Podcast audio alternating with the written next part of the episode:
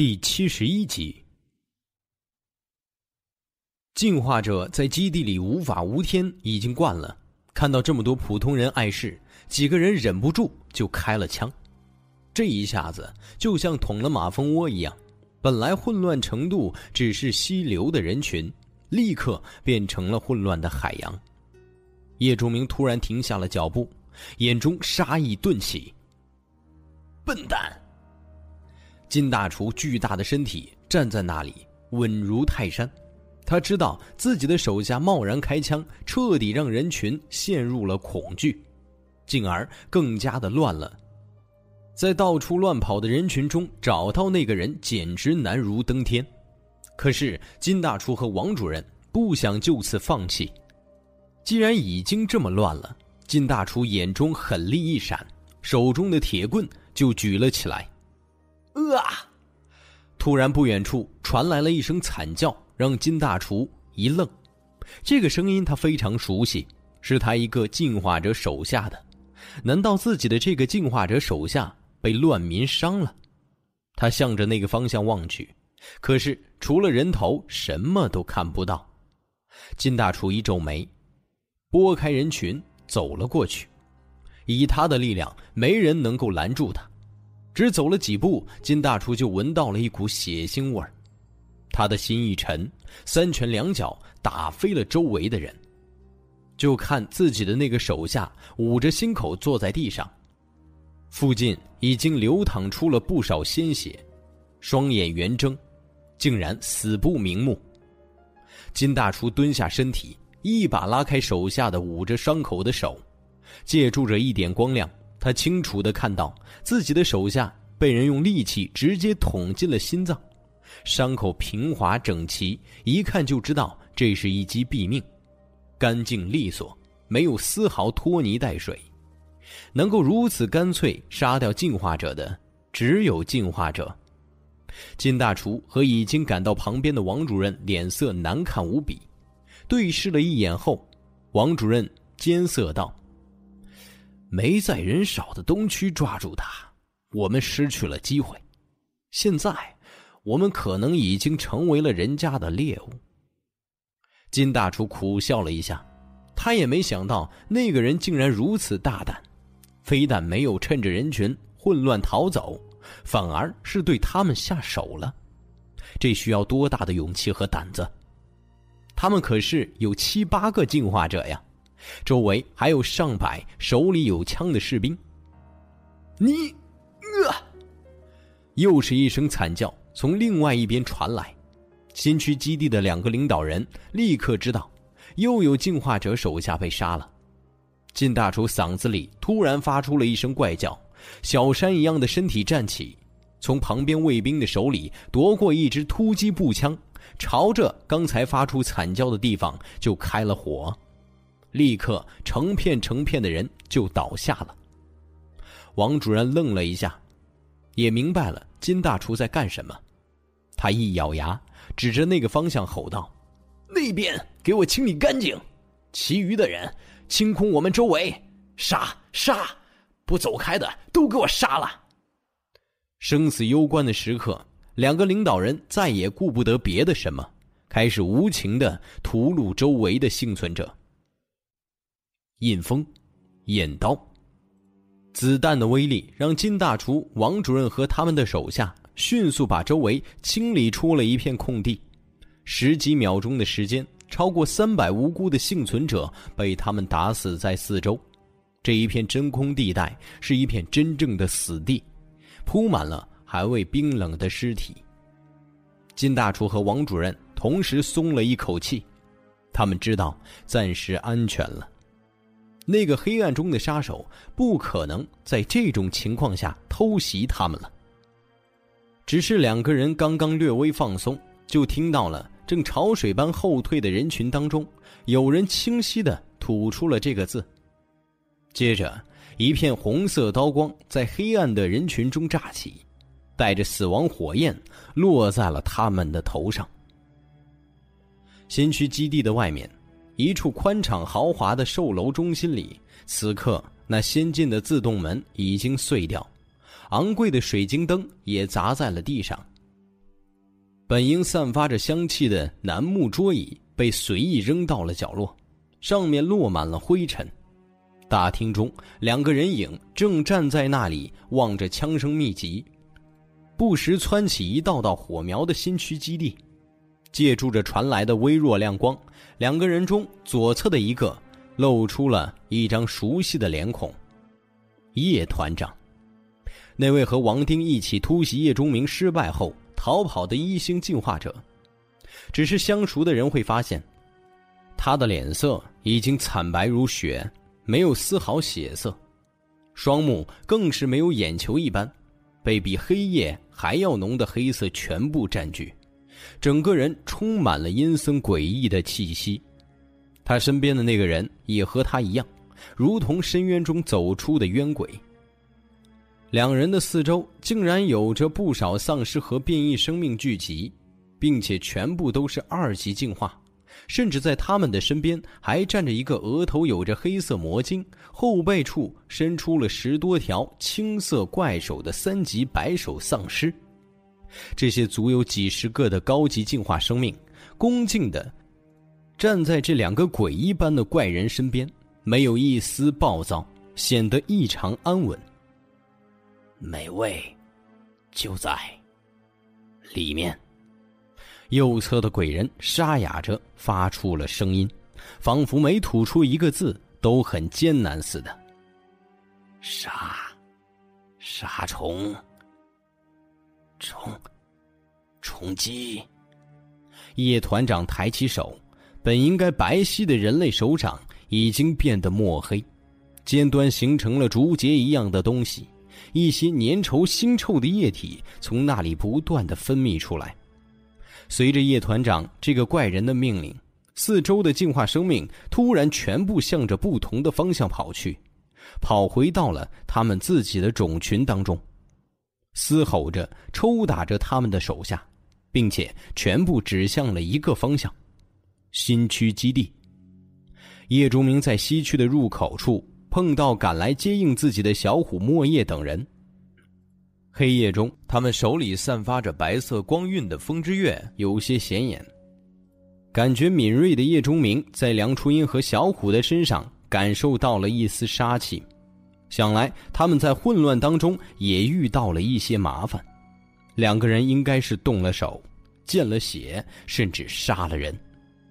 有的时候就是这样，你不杀人，人就要杀你。这几个人浑身上下的东西肯定。要被人觊觎，他们不拿出点雷霆手段，肯定走不到这里。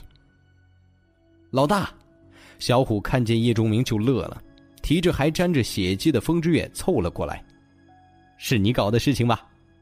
语气中竟然满是幸灾乐祸。叶仲明瞪了他一眼，这家伙就是一副唯恐天下不乱的性子。走，我们回去。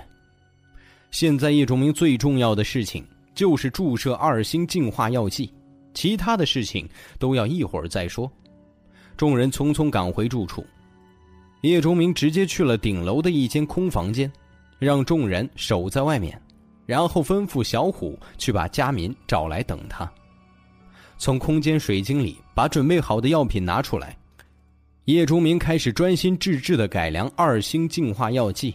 改良药剂的过程时间不长，也并不复杂，只是这是个很精细的活一个地方出错就会前功尽弃。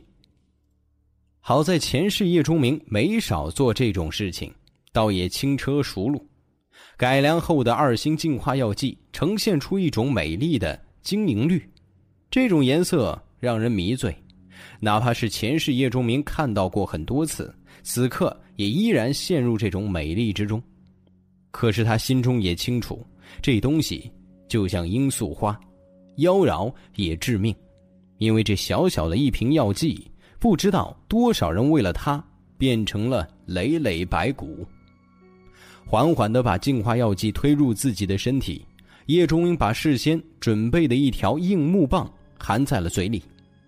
普通的净化药剂注射后。大多数的人都会感觉是一种享受，会感到温暖、舒适、充盈，那种快感不亚于男女之间畅快的欢爱，只有少数人会感觉到难受。但是改良之后的净化药剂被注射之后，一定会造成痛苦，并且这种痛苦非常强烈，意志不坚定的人都会承受不住。随着药剂在身体里扩散，那种撕心裂肺的痛苦如约而至。叶钟明的身体瞬间就剧烈的颤抖起来，他跪坐在地上，双手死死抓着坚硬的水泥地板，嘴里的硬木棒被咬得咔咔作响。满头的汗水如雨般从身体里被挤了出来，里面甚至带着丝丝血色。喉咙里是野兽般的呜咽，咔嚓一声，硬木棍被生生咬断，双手在地面上挠出一道道血痕。几分钟后，已经全身湿透的叶钟明终于神色一松，躺在了地上，脸上都是满足。进化了。在末世开始后不到半个月，他成为了二星进化者。这可不是王丁那种半吊子二星进化，而是真真切切的二星进化，并且还是改良的二星进化。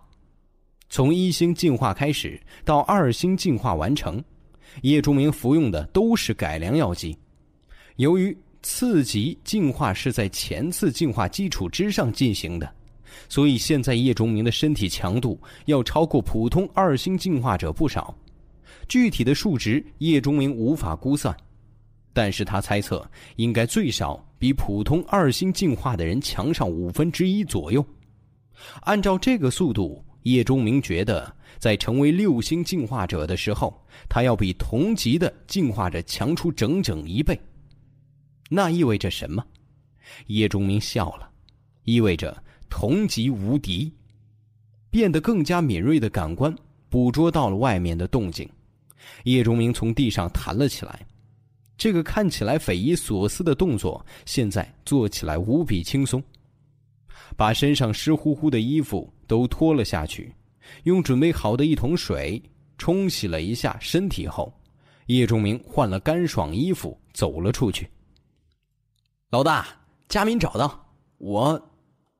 小虎看到叶钟明走出来，和以前一样走过去说话，说到一半，突然愣了，因为他感觉到了陌生。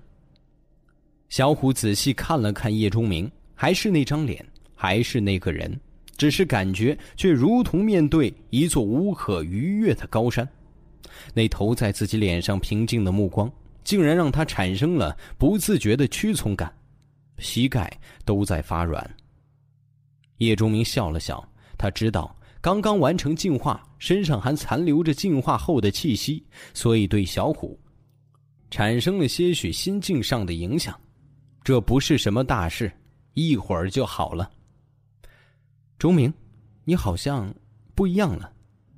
叶钟明看着说话的莫叶，点点头，没说什么，而是对站在圈外的佳民道：“有件事情和你商量。”我们下去坐下谈吧。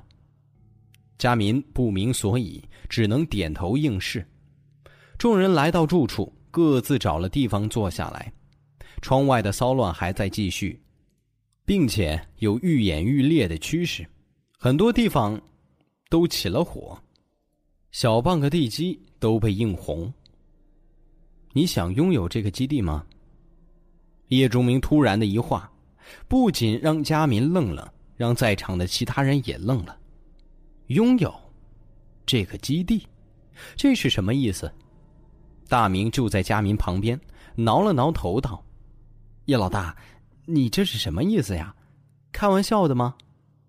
摇摇头，叶钟明居高临下看着混乱的基地道：“这里原先的两位化石人已经让我干掉了，现在整个基地没有主人。”这么乱下去，要么下面的人互相残杀直到死光，要么被丧尸攻进来成为他们的食物。除此之外，没有第三种可能。你干掉了金金大厨和王主任。佳明觉得自己一向遇事很冷静，别人也经常称赞他有着同龄人没有的成熟。可是乍一听到这个消息，还是被震惊的脑子一片空白。虽然新区基地建立没有几天，但是金大厨和王主任的强大已经深入人心。那以一当千的气势让所有人心惊胆战，不敢反抗。加上手下有着十来个进化者和成百上千的战士，成为基地的领导人理所当然。甚至连家民在内，所有的幸存者都认为金大厨和王主任是无敌的。可是现在，一个年轻人竟然轻描淡写的说：“他干掉了这两个人。”就算再冷静的人，也要被惊到。我需要一个稳定的基地，需要让这里有个新的主人。你愿意做吗？叶忠明走到佳民身边，郑重问道。外面的嘈杂之声仿佛都消失了。此刻，在佳民的意识中，只有叶忠明的问话：拥有这个基地？说实话，佳明连做梦的时候都没有过这个念头。可是他知道，面对这个男人，不是在和自己开玩笑。他说杀掉了金大厨和王主任，那么这两位作威作福了好几天的基地前主人，可能真的死了。可是，可是我，连进化者都不是。我可以让你是，我，我也没有那么多手下。这个国家最不缺的就是人，可我也没有什么管理经验。末世不需要管理经验，只需要杀人的经验。佳明还想说点什么，可是却发现，在他看来困难无比的事情，或许在叶老大看来全然不是问题。为什么选我？佳明终于问出了心中最关心的一句话。是啊，我觉得我也行啊。大明在一边没心没肺的道，换来了众人的一顿白眼。因为我想，佳明张着嘴巴，又不知道怎么说了。大明在一边摇头摆脑，不断嘟囔着：“霸气牛，我想选你，所以选你，太牛了。”佳明深吸了一口气，站了起来，目光逐渐变得坚定。“好，我答应。之后呢？成为了这里的主人之后，我需要为你做什么？”叶崇明的眼中闪过一丝欣赏，这个佳民自己果然没看错，确实是一个懂得进退之人。自然是有些事情需要你帮忙的，不过等你掌握了整个基地之后再说吧。叶钟明拍了拍佳民，现在我去见另外一个人，有了他的支持，你可以更顺利一些。海博小区大概是新区基地里唯一没有乱的地方。黎强亲自带着自己的手下，在小区四处巡逻，凡是和小区外相通的地方都布置了不少人。但凡有敢于冲击的，直接开枪射杀。不少运气比较好被选入海博小区的人，都站在各自的住处门口向外张望着，看着被火光映红的基地，神色之中有些庆幸。如果没有进来海博小区，他们或许也和外面那些人一样，正在六神无主、四处奔逃吧。运气不好的，可能已经被踩死了。黎强站在正门处用来防御的沙袋之上，望着外面，神色复杂。他不是不想让人们进来，可是他清楚，一旦自己这边的缺口一开，人群就会如同潮水一样涌进来，让海博小区变得和外面一样。他不想自己苦心经营了好多天的大本营毁于旦夕，所以刚才他才下令开了枪。那些蜂拥而至的人们，在丢下了几十具尸体之后，才惊恐退去，再也不敢过来。强哥，这样下去，基地要恐怕要崩。你看那边，是东区通往外面的通道，好多人挤在那里，都已经互相杀起来了。一个手下指了指远处说：“黎强自然也看到了，可是他无能为力。他手下的人，他手下的枪，能够守住海博小区已经不错了。他没有能力多管闲事。此刻他的心中也是忧心如焚。能够在末世找到一处暂时栖身的地方，不容易。如果基地不在了。”即便是已经成为了进化者，黎强也没有多少信心在外面的世界活得长久。在城墙之上，他清楚的看到过外面变异生命的强大，那不是人类可以抵挡的。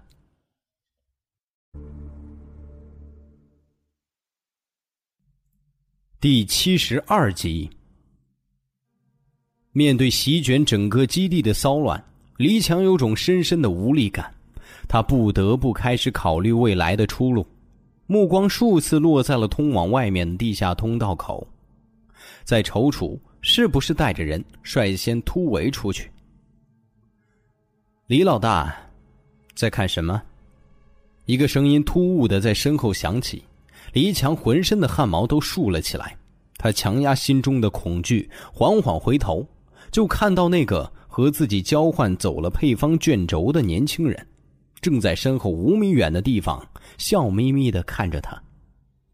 黎强就是再蠢，也知道被人近身到这个距离意味着什么。黎强的手下也都慌了，纷纷调转枪头，对准了叶忠明，脸上有着还未散去的不可思议。他们不知道这个人怎么就悄无声息的站在了这里，甚至距离叶忠明最近的一个人只有两米远。这个人一点感觉都没有。叶钟明的眼睛微微眯了一下，黎强就如同受惊的兔子一般，大声吼道：“都放下枪！”手下们互相看了看，缓缓垂下了枪口。看到没有枪口对着，本应该是叶钟明感到轻松，可恰恰相反，感到轻松的是黎强。刚才那一刻，他感觉到了。死神降临在了他的头上，那种感觉无比清晰。他知道这些手下哪怕有一个煽动，叶钟明死不死他不知道，但是他自己一定会死。这也算是黎强的一个特异功能。他从小开始练习射击，为了培养他心静如水的状态，他的教练专门用抛靶机对着他发射处理过的飞盘。黎强没少被这些飞盘打得鼻青脸肿，直到他不再害怕，没有了下意识的躲闪，这种训练才结束。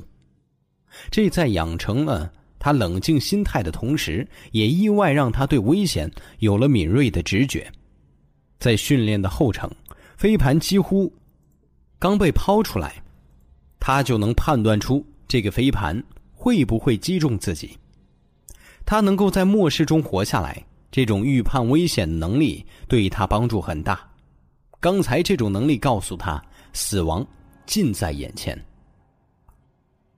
李老大果然有些能耐，要是别人这么说，李强肯定嗤之以鼻，然后一脚把这个人踢飞。但是现在他却如释重负，知道这个人的杀心已经连起。我们的交易已经完成。不知道，你还来找我干什么？李强尽量让自己的腰板挺直，神色镇定。有件事情，求李老大帮个忙。叶中一笑的同时，身体一晃，瞬间就来到了黎强的面前，两个人的脸几乎都要贴在了一起。黎强瞬间面如死灰，他终于明白，这个男人杀死自己，就如同杀死一只蝼蚁那么简单。只是他不懂的是，明明白天见面的时候，这个人还没有这么强，这才几个小时过去了，怎么他的实力就发生了这么大变化？猛然之间，李强想到了这场骚乱的原因，那是因为有人转动了二级轮盘。他吞了吞口水，脑海里出现了一个可能：这个人是二星进化者。他终于知道为什么这个年轻人会如此强大了。黎强沙哑着声音，微微低着头道：“兄弟，你有什么事情，尽管吩咐。”佳民和他的家人，加上很多住在附近和佳民有些交情的人聚集在一起，形成了一个几十人的小团体。他们的周围是莫叶小虎等这一众进化者。他们都看着东区的方向，等待着什么。周围不少四散奔逃的幸存者都发现了这支有些古怪的队伍，但是看到那些手提白色武器的人，都露出了畏惧神色。突然，一颗信号弹从东边升起，本来准备好的众人立刻开始了行动。小虎、莫叶、梁初音手里拿着枪，朝着天空扣动了扳机。突如其来的枪声让周围的很多人都大喊大叫，本能朝着背离枪声的方向跑去。本来散开的人群在这一刻被强行压缩在了一起。他们奔逃方向的一栋楼下，此刻突然有一堆巨大的篝火被点燃，火光升腾起了很高，照亮了一片地方。这栋楼上，大明站在二楼的一扇窗户前，不知道从哪里找来了一个喇叭，就朝向这边奔来的人群开始大喊：“听指挥，都停下！”声音让很多人都下意识的慢了下来。巨大的篝火带来的光亮也驱散了一些人们心中的恐慌。这个时候，佳民则带着他找来的人，开始有秩序的配合着大明，整齐的喊着口号。每个人都举起一切能够发出光亮的东西，让周围的人都停下。小虎等进化者更是在最开始的时候起到了关键作用，他们拥有普通人难以企及的力量。几个人把枪往身前一横，直接就可以让不少人停下来。加上大明那边不断重复“都停下，听指挥”，互相配合之下，缓缓稳住了形势。这种黑夜中的混乱就是这样。如果有些地方混乱了，大家跟着就乱了，和古代的营校非常类似。但一旦有了光亮，有了统一指挥，加上文明社会长久的熏陶。人们也可以快速的安稳下来，先是几十人停住了，不再逃亡，然后是几百人、上千人，一点点的，西区这边就安定了下来。佳敏已经接过大明的喇叭，在人群中奔走，让大家各回住处，并且告诉大家基地很安全，丧尸没有攻击进来等等消息。加上大明和小虎等人的帮助，形势安稳了下来。甚至还开始组织人扑灭一些不大的火势，当然也有人不想这么快安静下来。刚才的混乱给他们带来了不少好处，不仅抢到了吃的，甚至还尝到了女人的甜头。对于这些人，众人也没有客气，几个女人还好一些，三两下打的不能动弹就算了，可已经沾了人命的小虎和梁初音手就黑一些了。直接杀掉，这种狠力也对平息混乱起到了至关重要的作用。西区在平静下来，东区那边也没闲着。黎强带着人从海博小区出来，有序的一批批疏散人群，在楼边的直接赶入到楼里，空地上的直接点燃篝火就近安置。东区人本就不多，他的人手又充足。进展甚至比西区还要快一些。叶竹明在这个时候自然也是帮了大忙的。东区毕竟是以前进化者生活的地方，那些从叶钟明一刀之威下逃生的人，还有他们这几天作威作福习惯了的亲友，这些人开始也是不服从管理的，可是被叶钟明杀鸡宰鸭一样的血腥镇压之后，也都老实了。这个过程看得黎强眼角直跳，虽然叶钟明没有完全展示力量，但黎强依旧对这个年轻人杀一星进化者如喝水一般简单的实力感到恐惧，也庆幸之前自己很识时务，答应了站出来稳定基地。东区和西区两个区域安定了下来，剩下的两个区骚乱也没有持续多久。维护秩序的人迅速进入两个区，让那里的人都安静了下来。等到基地完全平静的时候，天色已经微微发亮。叶钟明、黎强和佳明、小虎等人在基地中央的位置汇合，商讨接下来一系列的问题。昨天一晚上死了不少人，基地里只要不是太偏僻的地方，入眼之处皆能看见死尸。现在这种天气之下，白天的温度还有些高，尸体必须要清理出去。我打算发布一条招工讯息，雇人来清理基地。这要多谢金大厨和王主任留下的食物，有了这些吃的东西做报酬，我想这份工作，很多人愿意做。黎强在昨天第一时间就被叶忠明要求去占领基地的粮食储备库，和那里的守卫还打了一仗，付出了一点代价之后，顺利占据了那里，也得到了里面为数不多的食物。这种以工代酬的方法还可以用在以后，诸如加固基地、清理垃圾、打扫卫生，甚至开荒种地等方面。还有，叶忠明站在人群外。看着佳民面对众人侃侃而谈，脸上有了几分赞许。这个年轻人真的不错，干什么都有条不紊。不过马上叶钟明就有些皱眉，他四处看了看，没有发现什么异常，略微一寻思，脸色有些变，猛然趴下了身体，把耳朵贴在了地面，凝神倾听。叶钟明虽然游离于众人之外。可无论是刚刚适应领导者身份的佳民，还是已经敬畏他的黎强，还有小虎、莫叶等人，其实都分出一部分注意力在他身上。大家都明白，这个人才是现在基地真正的太上皇。看到他突然这样，立刻停止了谈话，纷纷凑了过来。老大，你怎么了？叶钟明摆摆手，让大家安静，仔细听了几秒。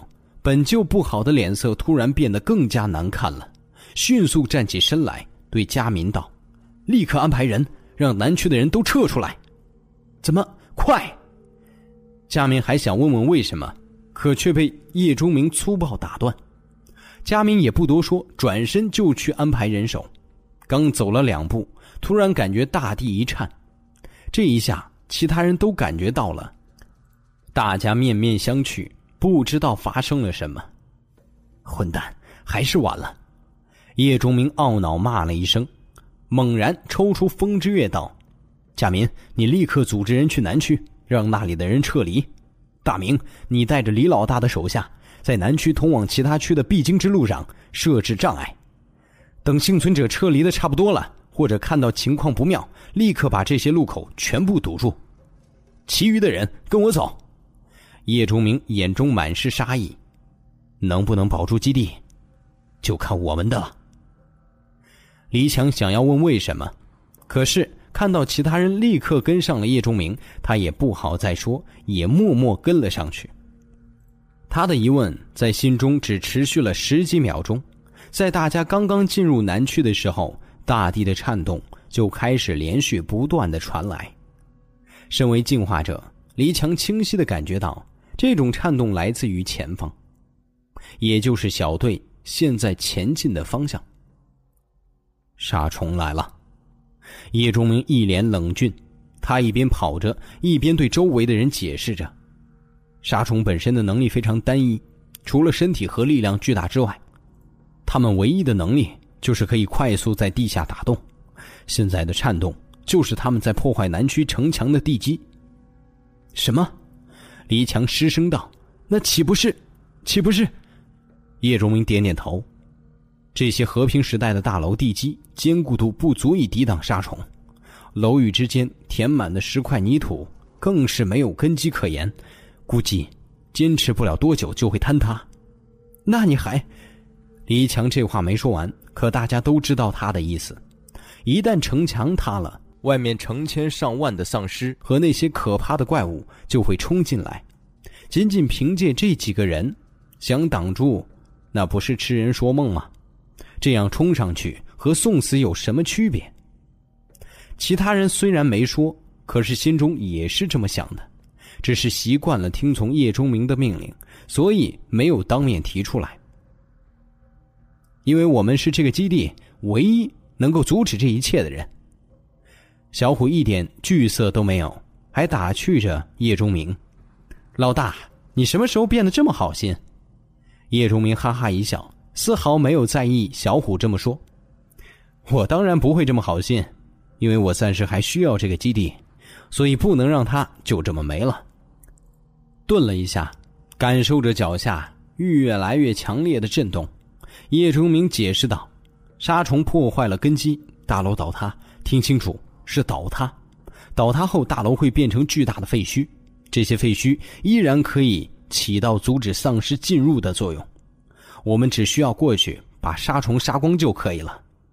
等到没有了这些讨厌的虫子捣乱，我们组织人手加固这些废墟，这个基地还是守得住的。”众人听到叶忠明这么说，心算是放下了。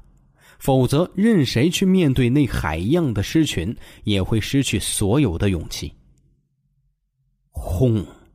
前方突然传来一声巨响，大家望去，只见一段在楼宇之间被用石头和水泥填满的城墙正塌了下去。随着声响，整段城墙垮塌在地，砸起了漫天尘埃。一道黑色的影子从废墟上划过，只是烟尘中。看得不太清楚，倒塌的城墙本来足有十多米高，现在却只有原来的一半不到，最多只有两层、三层楼之间的样子。不知道是不是高度骤降的缘故，外面丧尸的嘶吼都清晰了许多。南区刚刚平静了不久的人们再次惊慌了起来，这一次可不是刚才黑夜中的迷茫和一头雾水。而是亲眼看到了城墙的倒塌，这些幸存者们再也抑制不住心中的恐惧，向着基地内部狂奔。开枪！叶忠明冷冷的下了命令，他手中的风之月也举了起来。难民们迎面而来，不阻止他们，小队就要被卡在这里。那样的话，丧尸就真要冲进来了。手里有枪的人都犹豫了片刻。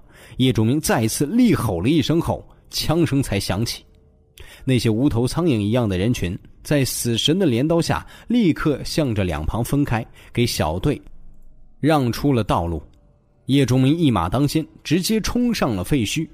一只巨大的虫子此刻正从废墟之后钻了出来，它有着巨大的身体，超过十五米的长度和两米的宽度，让它看起来。就如同一只放大了很多倍的蜈蚣，只是和蜈蚣不同的是，它没有那么多的脚，只是在身体前中后三段，各有一对粗壮的竹节肢。最显著的要数这怪物的头了，尖尖的，带着螺旋的纹路，就像一个巨大的钻头，和身体一样的黑色，有着金属的光泽。尖头之下是一张硕大无比的嘴巴。此刻正有大块大块的泥土、石头被吃进去，经过它长长的身体后，直接从尾部的肛门排出。只是排出的已经是无数粉粒，这就是杀虫。末世之中，怪物们专属的工程利器。很多幸存者基地被毁，都和他们有直接关系。这些沙虫可以在地下快速打洞。哪怕是坚硬的岩石，也挡不住它们巨力之下的尖锐头部，并且沙虫还有一个特殊的能力，就是它的体内全部都是如同牙齿一样的怪异消化器官，石块、砖头、水泥，甚至普通钢铁，经过了它的身体之后，都会被咬成颗粒，直接排出体外。人类的普通建筑对他们来说。和纸糊的没什么区别。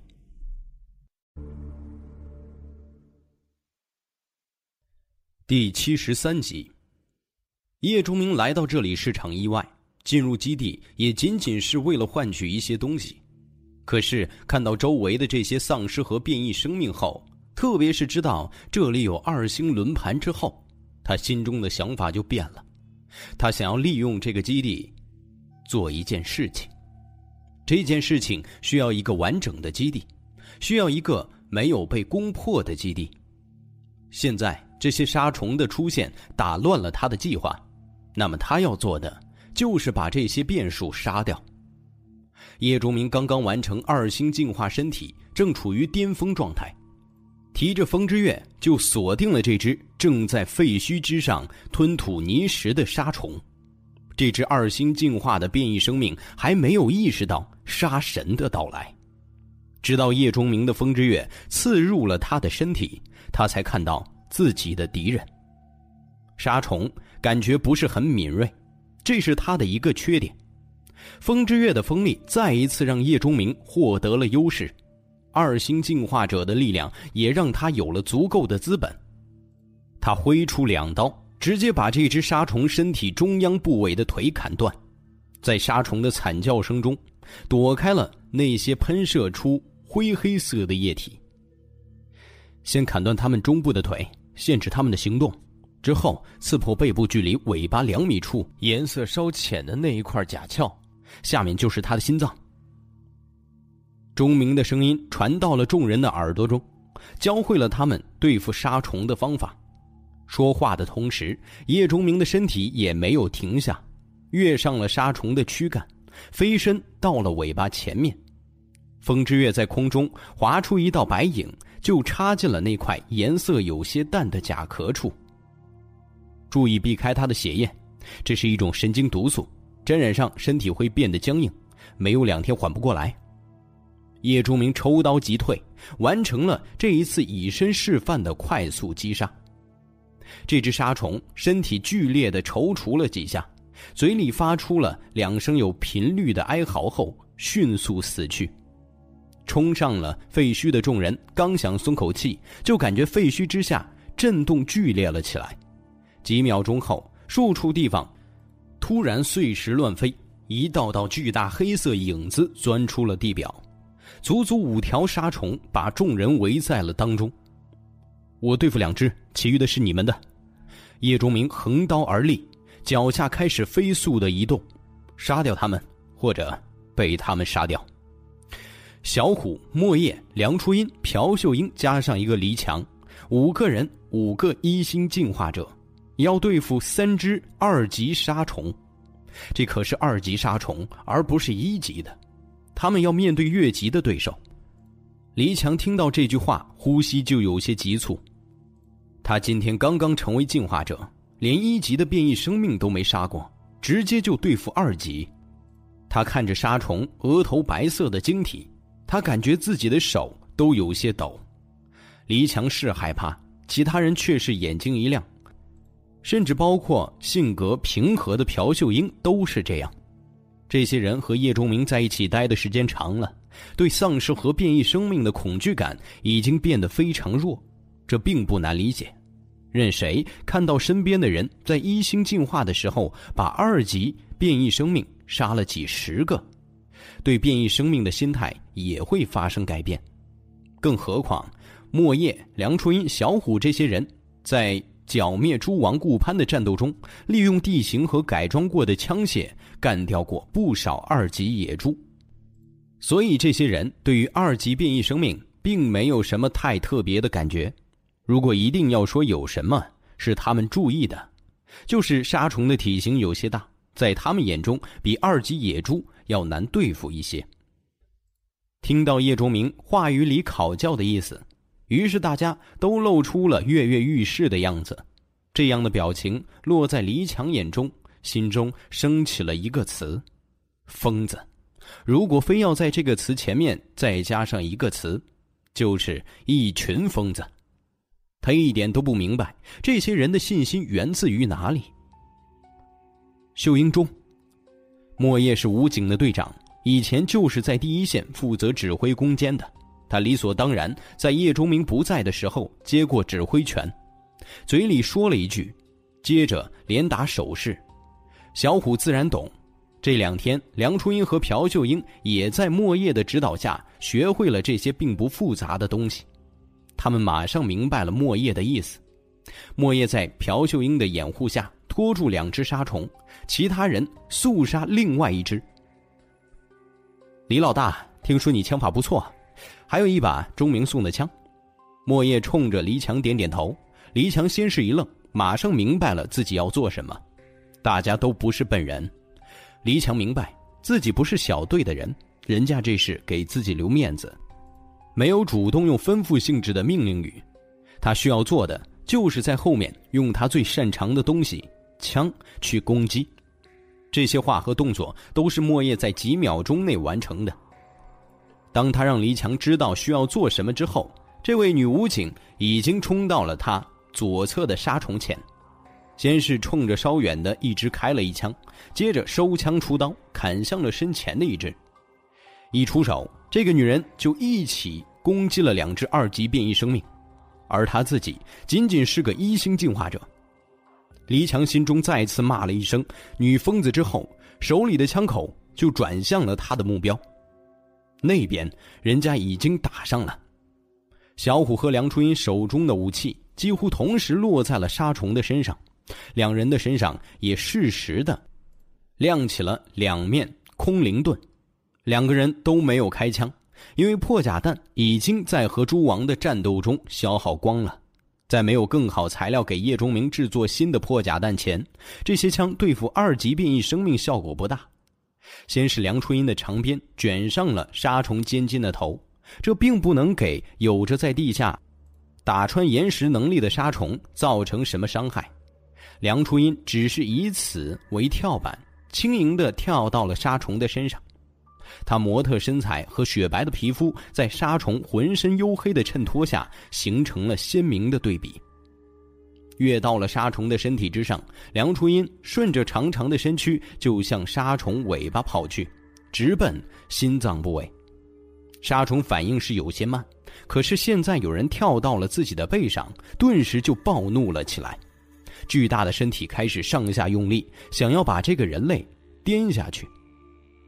你的对手可是我，小虎怎么能任由杀虫攻击梁初音？这小子也顾不得叶钟明教给他们砍这怪物中间的角，他拿着风之月，直接就切向了杀虫巨头之下的那一双脚。风之月砍在了上面，发出金铁交击的声音。杀虫正在翻腾的身体猛然一滞，接着嘴里发出了一声巨吼。小虎手里的刀切进了他的一只腿里，割开了他的关节，差一点就直接切断。如果是叶钟明手中的掺入过了鬼金的风之月，或者叶钟明以二星进化者的身份拿着小虎手里的这把刀，那么这一刀足以切断杀虫的这条腿。可惜以小虎的能力还做不到这样。可这足以让沙虫的身体向着一边瘫倒，让差点掉了下来的梁初音稳住了身体。沙虫遭到重创，自然不可能就这样被击败。他的身体猛然一翻，肚皮直接朝天，梁初音一下子就被甩了下去，身体因为惯性被抛到了半空。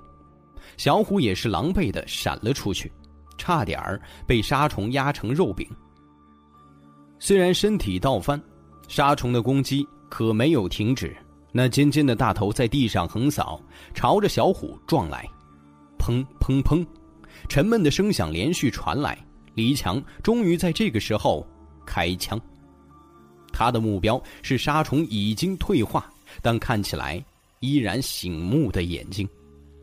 这个距离这样大的目标看似容易，可是小虎武警出身，他知道这几枪的难度。杀虫首先是在移动中，手枪受限于射程等因素，对于移动的靶子本就难以精确击中。更何况，杀虫用头撞过来，从离墙的位置射击，几乎是没有什么角度命中眼睛的。可偏偏黎强就是打中了。这把枪是叶钟明改良过的，威力巨大。里面如果装上破甲弹，这几枪足以干掉沙虫。可问题是，叶钟明只交易给了黎强手枪，没有给他特殊子弹。三枪下去，打的沙虫眼部血肉模糊。可是却没有致命。不过这足以给小虎制造机会。他低吼一声，风之月顺着沙虫眼睛处的枪伤插进了沙虫的脑袋里。剧烈的疼痛让沙虫再次翻转了身体。小虎还来不及抽出风之月，就被带到了空中。他只惊不慌，双手牢牢抓住风之月的刀柄。随着沙虫翻了过来，刀。梁春一声娇喝，小虎扫了一眼就明白，半悬着的身体一弓，双脚在沙虫的头部狠狠一蹬，风之月就被他拔了出来。没有了着力点，小虎从半空掉落。可就在这个过程中，他大吼一声，奋起全力，把风之月扔向了梁初音。梁初音的柳条边缠住一块废墟中的巨石，身体飞跃在了半空，一侧亮光一闪，风之月被抛了过来。网红妹一把接住，松开鞭子，双手握刀，朝着杀虫露出的心脏部位狠狠地扎了下去。扑哧，风之月刺入了这只杀虫的心脏，大量的黑色血液溅了出来，喷了梁初音一头一脸。漂亮的网红妹子立刻变成了小黑人。啊！梁初音尖叫了一声。女人大多数都爱干净，网红妹也不例外。这些乌黑的东西让她感到阵阵恶心，不过他就是叫了一声，拔出风之月后，立刻跳下了这只杀虫的尸体。他知道现在莫叶那边还在坚持，他没有时间耽搁。莫叶那边的确有些狼狈，他闪过一只杀虫的攻击，手中战刀挥舞了出去，印在了另外一只杀虫的身体上。刀身上传来的力量让莫叶差点儿把刀扔掉。好在他学习过发力的技巧，国术里的一些东西被他运用到了刀法之中，手臂动了动，勉强卸掉了这股力量。砰的一声，身侧的空灵盾再次破碎，莫叶顺势朝着前面疾跑，避过了撞碎空灵盾力量减弱，但是足以让莫叶受伤的杀虫头部的攻击。这种怪物巨大的头部力量太足了，也太坚硬了些。以莫叶现在一星进化者的等级，用风之月砍在上面，也只会留下一个白色印子。这已经是碎掉的第四面空灵盾了。朴秀英的精神力已经下降到了一个很危险的地步。队长，我们来了！好在这个时候，小虎几个人杀掉了他们的杀虫，赶来帮忙。我来缠住他。梁初音身上的空灵盾还在，他主动接过了一只杀虫。莫叶也不废话，配合着小虎两个人一前一后开始攻击另外一只杀虫。黎强则找机会在一边放着冷枪，两个人配合之下，用了半分钟把这条杀虫击杀。小虎为此被杀虫临死前撞了一下，虽然有空灵盾保护，但是巨大的力量还是让他飞出去老远，摔在地上后，嘴角溢出了一些鲜血，显然是受了些伤。咬着牙，小虎快速的站了起来。战斗还没有结束，他不能倒下。只是当他站起来的时候，发现那只沙虫已经被杀死了。叶钟明正站在沙虫的身体上，抽出他的风之月。看了看另一边，叶钟明自己对付的那两头沙虫已经挂了，甚至额头的魔晶都被挖了出来。小虎呲了呲牙，心说：“老大果然是老大。”强的一塌糊涂。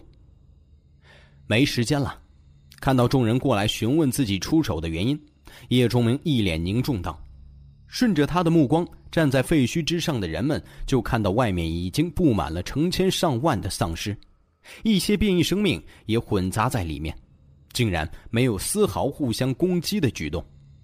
此刻，距离杀虫造成的缺口处只有几十米的地方，已经有丧尸冲到了这里。”就算他们走得再慢，再过一两分钟就会攀越到现在叶钟明等人站着的地方。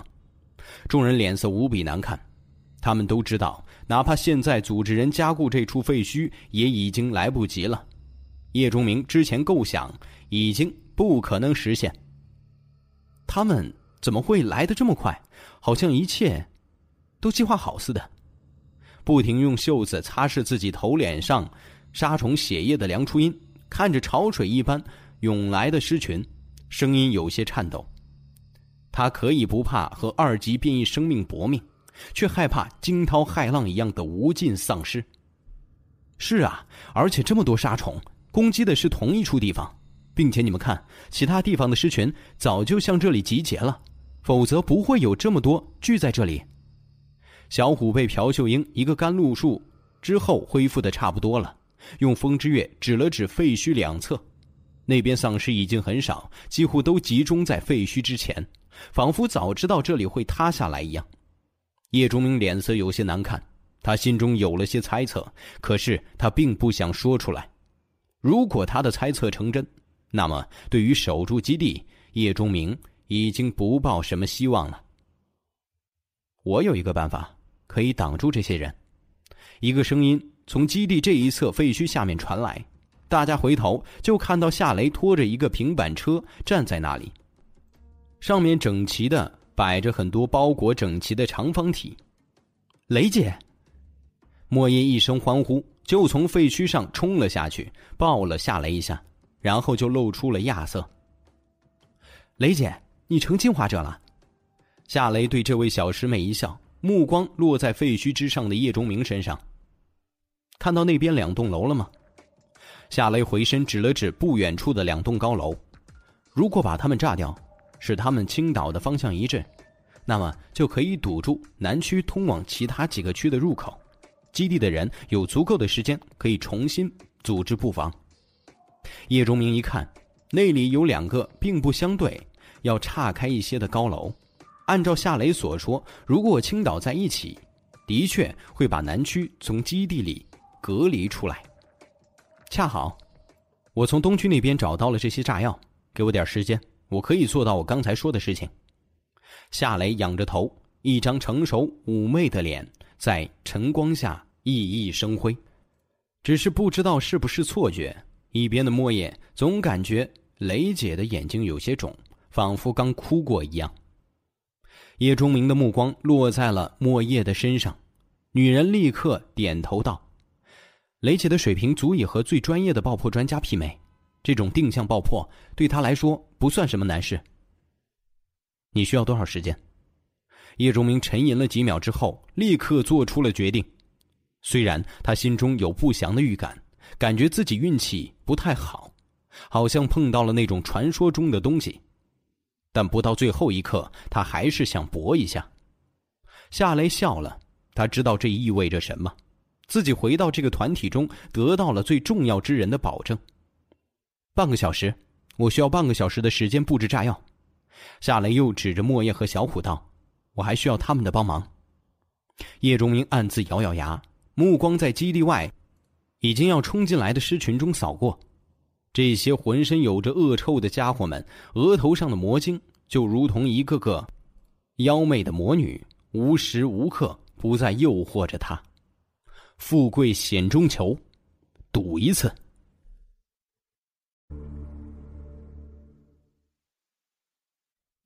第七十四集。好，我会给你争取半个小时的时间，希望你不会让我失望。没有亲身和能够致命的尸体战斗过，永远都不会了解他们的可怕。丧尸或许速度很慢，或许身体僵硬，或许弱点突出，甚至当你只要没有畏惧之心，在这些丧尸落单的时候，你可以尽情的戏耍他们，然后把刀子轻易的捅进他们的眼窝。可是，一旦这些丧尸的数量达到一定程度，他们的可怕就会体现出来。你不知道哪里会探出一只掉了皮、变得腹黑的手抓你一下，也不知道哪里会伸出一只满是脓水的脚踩你一下，更不知道哪里会出现一张锋利腥臭的嘴，在你的身上撕掉一块血肉，并且丧尸的可怕病毒会如同头顶的乌云，阴影时刻笼罩着你。在末世，最可怕的。不是那些就在那里动也不动的阴森绝地，不是那些进化等级让人类望而生畏的怪兽，而是尸潮，而是兽潮。无论是谁，人类也好，怪兽也好，在尸潮和兽潮面前都脆弱的如同三岁孩童。特别是当丧尸大部分都发生了进化，每一个的实力都突飞猛进之时，他们就会变成一群。真正的死神，时刻挥舞黑色镰刀，威胁这个星球上任何一个种群。前世叶钟明体验过这种恐怖，好几次劫后余生的他，心中面对狮群时，多少有些阴影。可是他现在知道，想要富有，想要得到更多，他必须直面这些怪物。深吸一口气，看着只有十几米的狮群，叶钟明突然大吼了一声：“开火！”被叫到这里离墙的手下，还有一些自愿不自愿也赶来的基地守卫，在废墟之上一起扣动了扳机，枪声再次在基地上空弥漫开来。这种血肉横飞的场面，让许多第一次见识的人胃部翻腾。就算已经和叶钟明一路厮杀过来的朴秀英和梁初音，看到这些丧尸瞬间被子弹打成碎片，各种各样的身体组织漫天乱飞，两个女人的脸色都不太好。不过他们也都清楚，想要在末世里继续生存下去，以后这样的场景可能会经常见到。所以两个人虽然都有些难受，可依然专心的看着战场，等待着他们出击的时刻。如果没有昨夜的混乱，那么基地里组织卫兵来防守，别说半个小时，可能五个小时甚至十个小时都能坚守得住。但是混乱之后，金大厨和王主任被叶仲明干掉，整个基地处于一种无序状态。没有统一的领导，能够在这个时候集中在这里的人不多，加上黎强的手下也只有一百多人。虽然人人有枪，但是弹药不足，这种急火并不能持续太久。停！叶忠明使劲的喊着，挥动着手臂，尽量让战斗中的战士看到、听到他的命令。面对丧尸，这些刚刚在末世中生存了半个月的战士还不能保持一个平稳的心态。所以射击的水平会出现比正常情况降低很多的状况。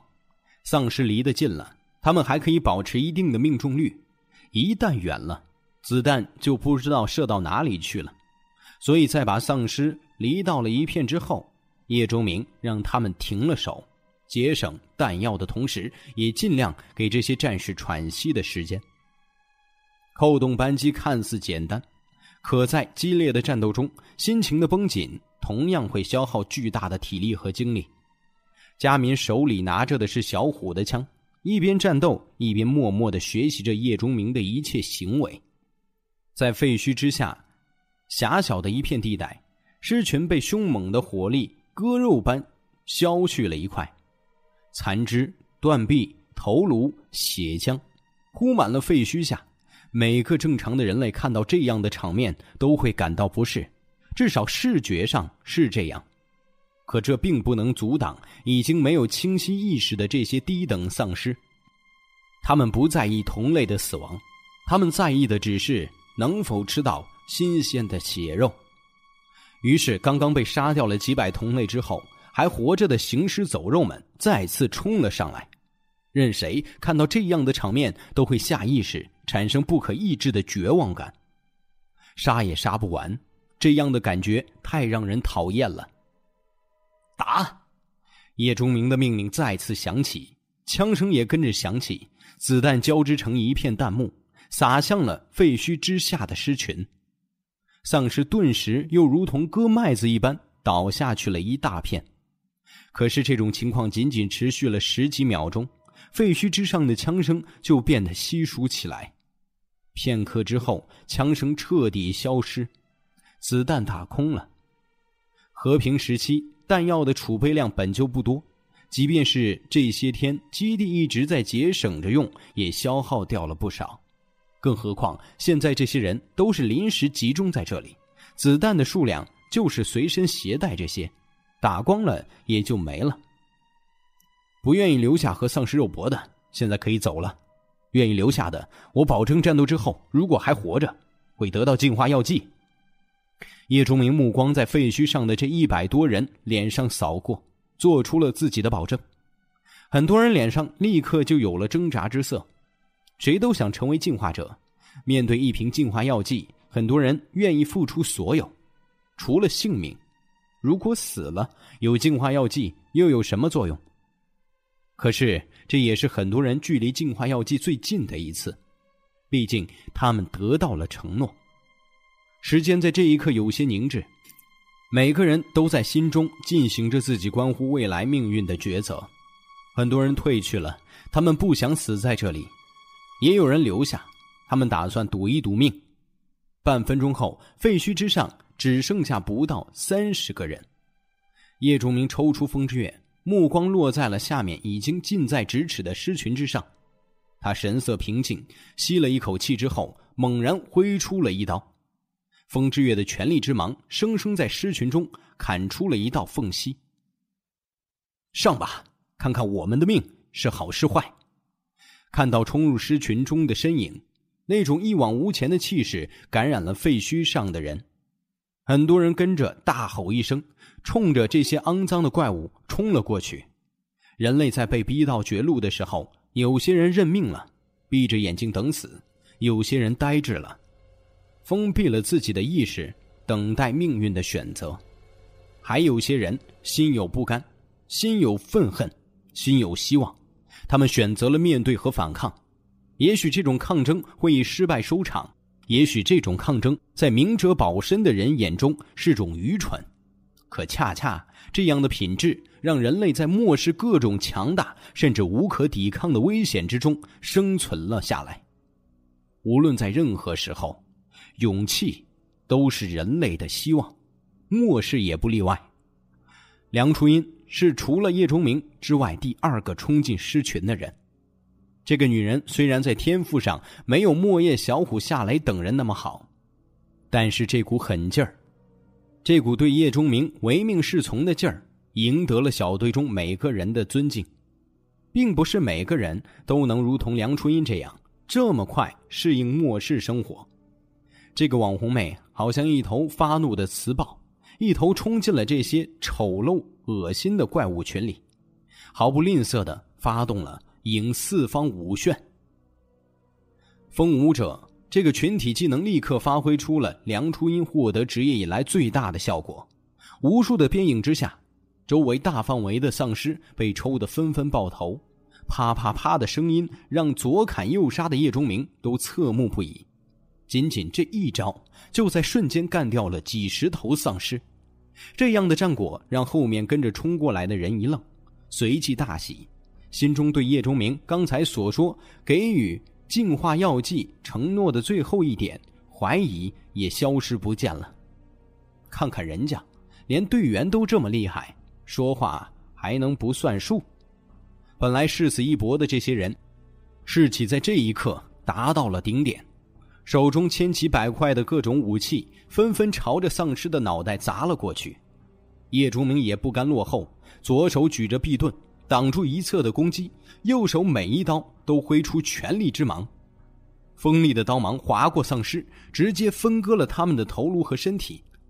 一刀下去，就有数个，甚至数十个丧尸倒下。或许叶钟明没有梁初音刚才那一记职业技能拉风，可是悄然无息之间，他已经杀掉了数十头丧尸，看得很多人都艳羡无比。人数虽少。可是，在叶钟明和梁初音的带领下，人类打出了凶猛的气势，一举前进了数米，把废墟之下的这一片地方变成了禁区。注意和同伴之间保持距离，不要冲得太猛。一旦你一个人陷入到尸群当中，你就危险了。你们除了手，还有脚，在攻击间隙，可以用脚来撑开和丧尸之间的距离，但注意踢出的角度，尽可能一击致命。不要浪费不必要的体力。叶崇明一边战斗，一边把这种情况下需要注意的一些事情喊出来。虽然这算是临阵磨枪，可这些话，却真的挽救了这些没有经验的人类数次。这些人看叶钟明的目光立刻就不同了。战斗从刚才的热血冲锋，变成了向叶钟明学习的过程。甚至就连已经战斗过多次的梁初音都获益匪浅。毕竟这些东西看似简单，可也是叶钟明末世十年经验的积累，每一条都是用人命换回来的。还有十五分钟，没有冲入狮群中，在众人身后跟着朴秀英大声的报出了剩下的时间。一个人有些不满这个躲在后面的女人，回头就想呵斥她的胆小。可刚刚转过头，就看见这个女人在背后对着自己挥了一下手。这个人一愣，不明所以。可马上他就发现自己身侧多了一面半透明的小盾牌，正围绕着他飞舞着。一个丧尸趁他不备，恶心的爪子马上就要伸到他的脖子下了，下一刻就会用那黑色锋利的指甲刺穿他。这个时候，这面小盾牌飞速的移动，挡在了他的脖子前，挡住了这差点要了他命的一击。透明的盾牌闪了闪，亮度好像微微降低了一些，但依然在守护着他。哪怕再笨，这个人也知道是后面的这位靓妹救了自己的命。并且还给自己加了一面可以抵挡丧尸的盾牌。谢谢了，美女，回头请你吃饭。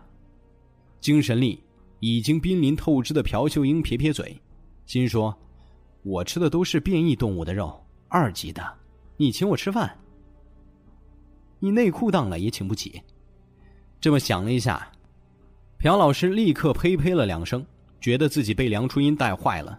出人意料的顺利，让大家的心情都放松了一点。本来有些陷入绝境的形势，竟然在这二十几个人的奋勇当中出现了一丝光明。啊！可这丝丝光明却随着这声惨叫迅速消失。叶钟明循声望去，就看见一个小小的、佝偻着身体的影子正骑在一个倒下去的人身上。宰鬼！叶竹明握着刀的手紧了紧。这种身高只有一米左右的变异丧尸，多是孩童感染而来。他们成为了丧尸之后，变得快速敏捷，变得诡诈狡猾。他们通常都会隐藏于其他丧尸的身后，趁着人类不注意偷袭。因为他的速度很快，又有锋利如刀的手掌，不出手则已，一出手就奔着致命部位而来，让人防不胜防。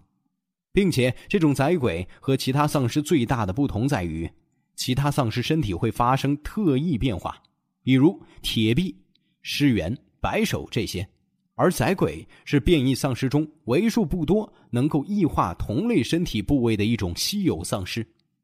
异化同类身体部位，在某种程度上是一种自己制作武器的能力，只是武器的材料只能是同类的某一部分身体。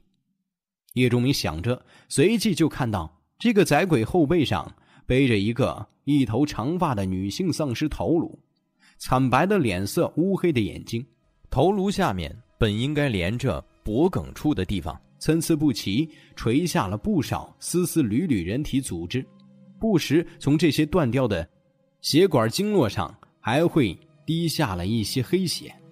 这样的场景有些恐怖，可是叶钟明知道，更恐怖的是。这个明显被宰鬼异化过的女性丧尸头颅蕴含的能力，肯定是极为诡异厉害的。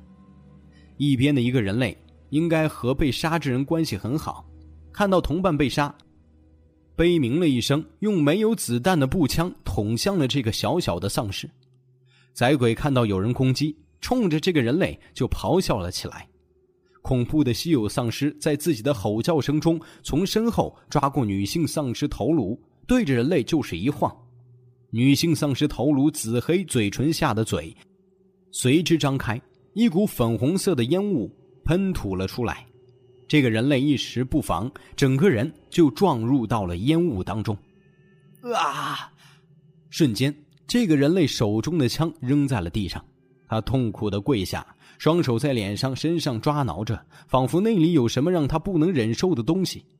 他的皮肤好像早就被煮熟了一样，随着他的抓挠，一块一块的被扯下，已经可以看到里面的骨头。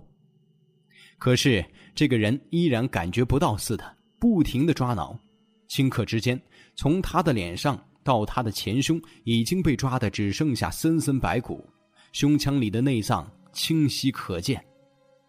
啊，啊，最后这个人痛苦的呜咽了两声。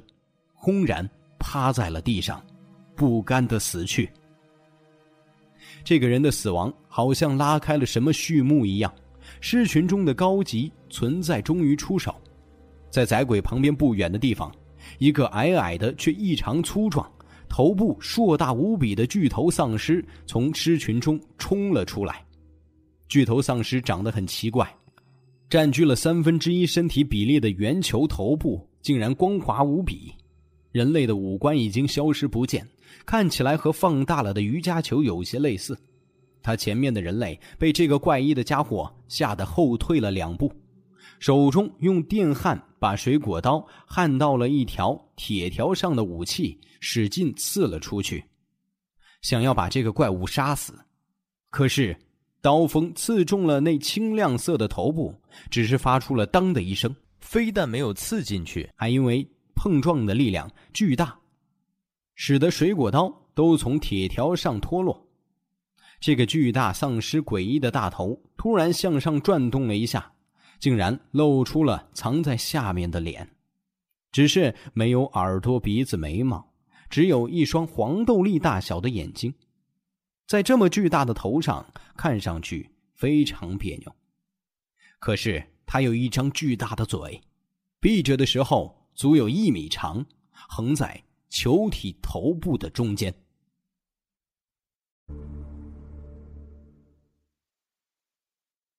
第七十五集，这张大嘴现出来之后，先是嘴角上翘，仿佛要微笑似的。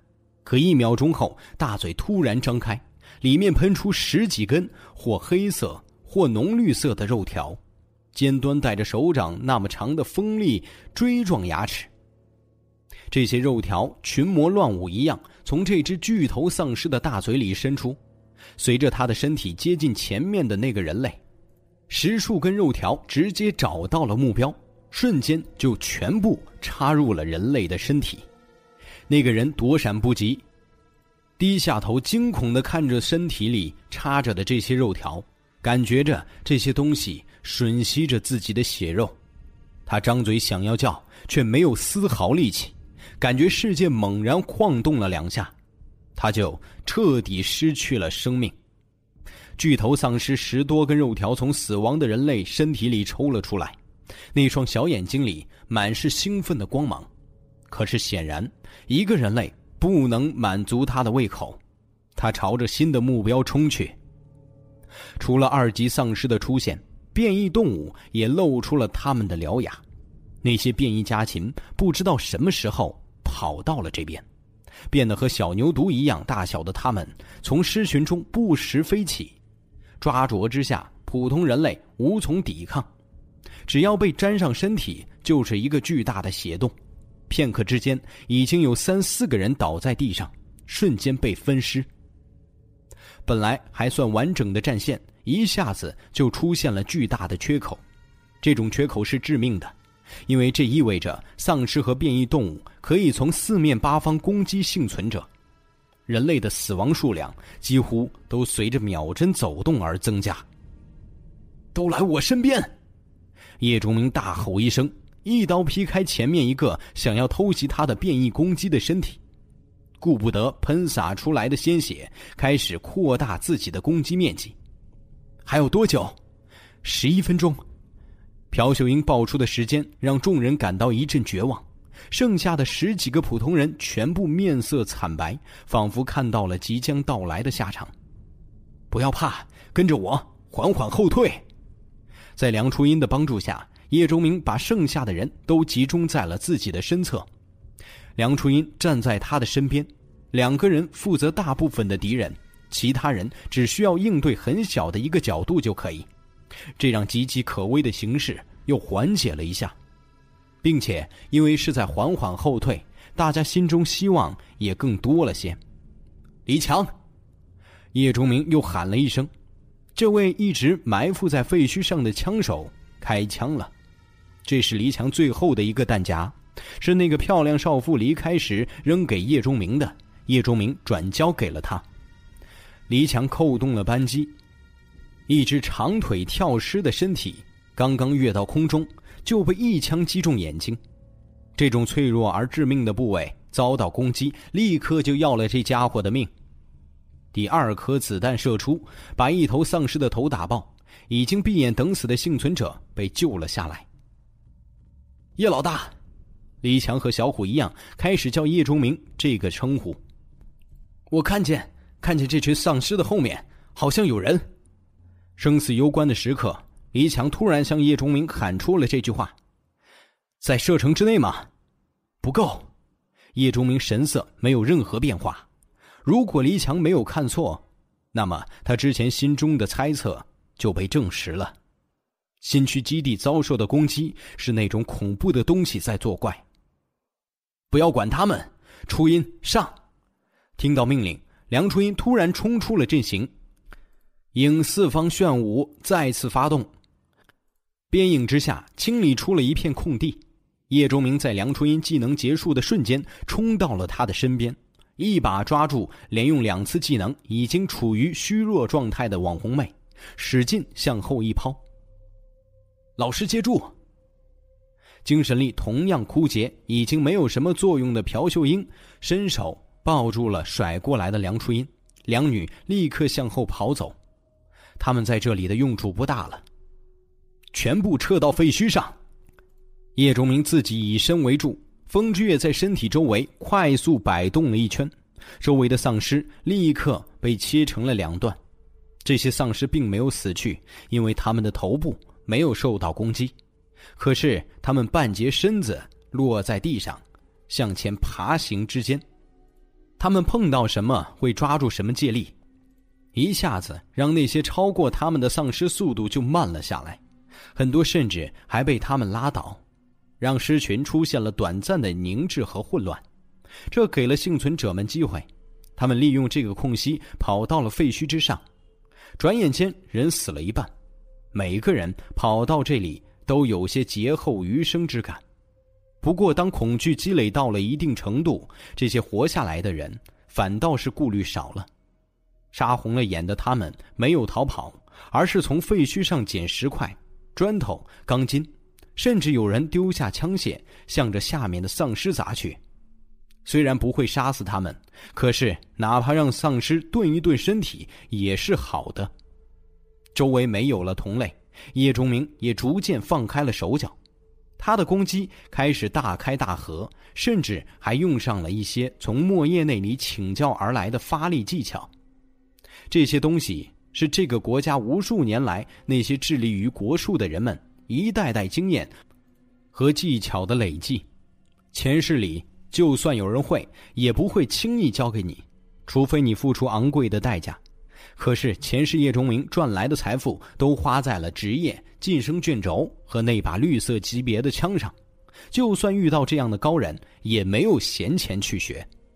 现在身边有了莫叶这个受过和平年代最专业系统训练，并且和普通百姓接触不到的那些身怀绝技的国术大师学习过的人，叶钟明自然不会放过这样的机会。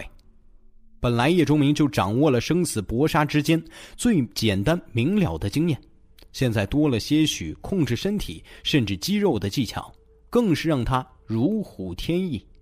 周围的变异生命让他清理一空，二星进化者的厉害体现的淋漓尽致，甚至同级别的那只巨头丧尸想来占便宜，都被叶钟明一刀把头切了下去。一个人。在废墟之下，硬生生的挡住了如潮般的尸群。废墟之上的幸存者们都看呆了，眼中、心里满是对这个男人的无比敬畏。此刻，在尸群的后面变得诡异非常，已经不像人类的叶团长两个人正远远看着战场，他们的身后站着三级的白手丧尸和一头同样三级的变异蟒蛇。是，是他，黑衣如鬼，声如哑沙。即便是在晨光初升的白天，听起来也让人毛骨悚然。好，好美，的味道。叶团长，墨黑一片的眼珠里闪过诡异的红色光亮，视线锁定在了独占四方的叶钟明身上。咦？叶团长身边的人突然发出了一个疑问词，鬼脸扬起，在空气中努力的嗅着。我，我，闻到了另外一个美味。这个不知道什么东西的怪物转身朝着一个方向看去，在很远处的一栋高楼之上，好像有一个影子正站在楼顶。那那里，你那个，我这个，好。叶团长和那个人交流之后，他的同伴拍了拍额头已经长出一段黑角的巨大蟒蛇。这只三级的强大变异生命立刻恭敬地低下了头。这个人跳上了他水桶一样粗细的身体，搂住了巨蟒的颈部。这只足有三十米长的巨蟒立刻朝着那栋大楼的方向飞速游去。叶团长根本就没去关注离开的同伴。而是一直盯在叶如明的身上，从黑色嘴唇的嘴里吐出艰涩的话语：“你，你是我的。”他的脸皮之下，一段线状物扭曲而过。叶钟明向后跳了一下，躲开了一只二级丧尸的攻击，接着风之月闪电般劈出，直接把这只丧尸砍成了两半。此刻，他的身上已经沾满了腥臭的丧尸血液，整个人就像从血海中捞出来一样。可是他站在那里，就是活生生的战神，没有丧尸或者变异生物可以冲破他的防线，达到废墟之上。二星进化者还是注射了改良之后进化药剂的叶钟明。拥有职业带来的白色级别武器风之月，让他的实力超越了这些丧尸和变异生命太多。只要体力不出现问题，他几乎可以一直站在这里应对这种强度的攻击。可是高强度的战斗，每时每刻都在全力挥舞武器，体力的消耗是惊人的。这就和跑步一样。当你用尽全力冲刺的时候，你或许只能坚持十几秒，速度就会慢下来。如果坚持半分钟，那么停下来的时候，你会感到浑身无力，大口喘气，双腿发软。而如果慢跑，你则可以用一个速度跑上几十分钟。这就是差别。全力的战斗还是和非人类的怪物战斗，体力的消耗是非常大的。哪怕有肾上腺素的飞速分泌支持，普通人也绝对坚持不了多久。进化者比普通人强大，可终究也是有极限存在的。叶钟明需要在这种状态下维持半个小时，这是对他体力的一种极大考验。更何况他还不能在半个小时内用光体力，因为未知的危险就在不远处。叶钟明不得不防。可是叶钟明依然抿着嘴唇，在全力挥出风之月，每一刀都会发出全力之芒，切开范围内的一切敌人。还有五分钟，这样的战斗，这样的体力，看得废墟之上的人们口干舌燥，每个人，包括黎强，心中都是一个感觉：这家伙不是人，真的不是人，哪怕他是二星进化者，可就这么强？在这种程度的战斗中，在这种每时每刻要不断移动身体、不断举起盾牌、不断挥舞兵器的激烈战斗中，可以坚持了七八分钟而没有一丝疲态，这怎么可能？哪怕挥刀的速度慢一些，大家都可以理解。可几秒钟一次的挥刀频率，全部用尽了全力，却没有丝毫减速，这，这些幸存者们。彻底被征服了，或许这样的人才是人类最后的希望吧。叶钟明累吗？自然是累的，可是他却能够坚持，因为在二星进化之前，他已经服用了从二级轮盘上得到的另外一个奖品——属性石，给他增加的属性是耐力源泉，这个几乎就是一个被动技能。叶钟明自己也没想到。这块属性石会出现这种极品的附加能力，耐力源泉，增加耐力一倍，增加体力恢复速度一倍。叶钟明当时服用后有种幸福眩晕的感觉。前世他所知道的服用了属性的进化者们，多是增加身体的基本属性，比如力量、速度、敏捷、视力、嗅觉、感知这些。一些极品的属性石。会让人体出现一些良性变化，比如强健、弱点属性时，会让人的致命弱点喉咙心脏等部位的皮肤骨骼强度增强。比如元素增强会让服用者在使用拥有元素力量的技能、兵器或者召唤卡等相关技能时，增强元素的威力。可是叶钟明还没听说过可以让基础属性成系统变化的属性时。耐力这东西看似没用，可是拥有了之后就会知道，这种不会让你跑得更快，却能让你跑得更久。不能让你跳得更高，却能让你跳很多次的能力是多么强悍！就如现在的叶钟明，有了耐力源泉，他才可以站在这里一步不退。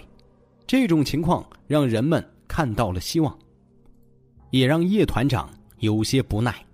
他的嘴巴张开，上下嘴唇开始颤动，周围的空气在这一刻出现扭曲，好像有什么无声的波动被发了出去。狮群和变异生命一下子就暴躁了起来，冲着叶崇明蜂拥而去，其中更是出现了大量的二级变异生命。他们不再吝惜自己的生命，哪怕是用数量，也要把这个人类杀死。四面八方、上下左右，攻击几乎没有了死角。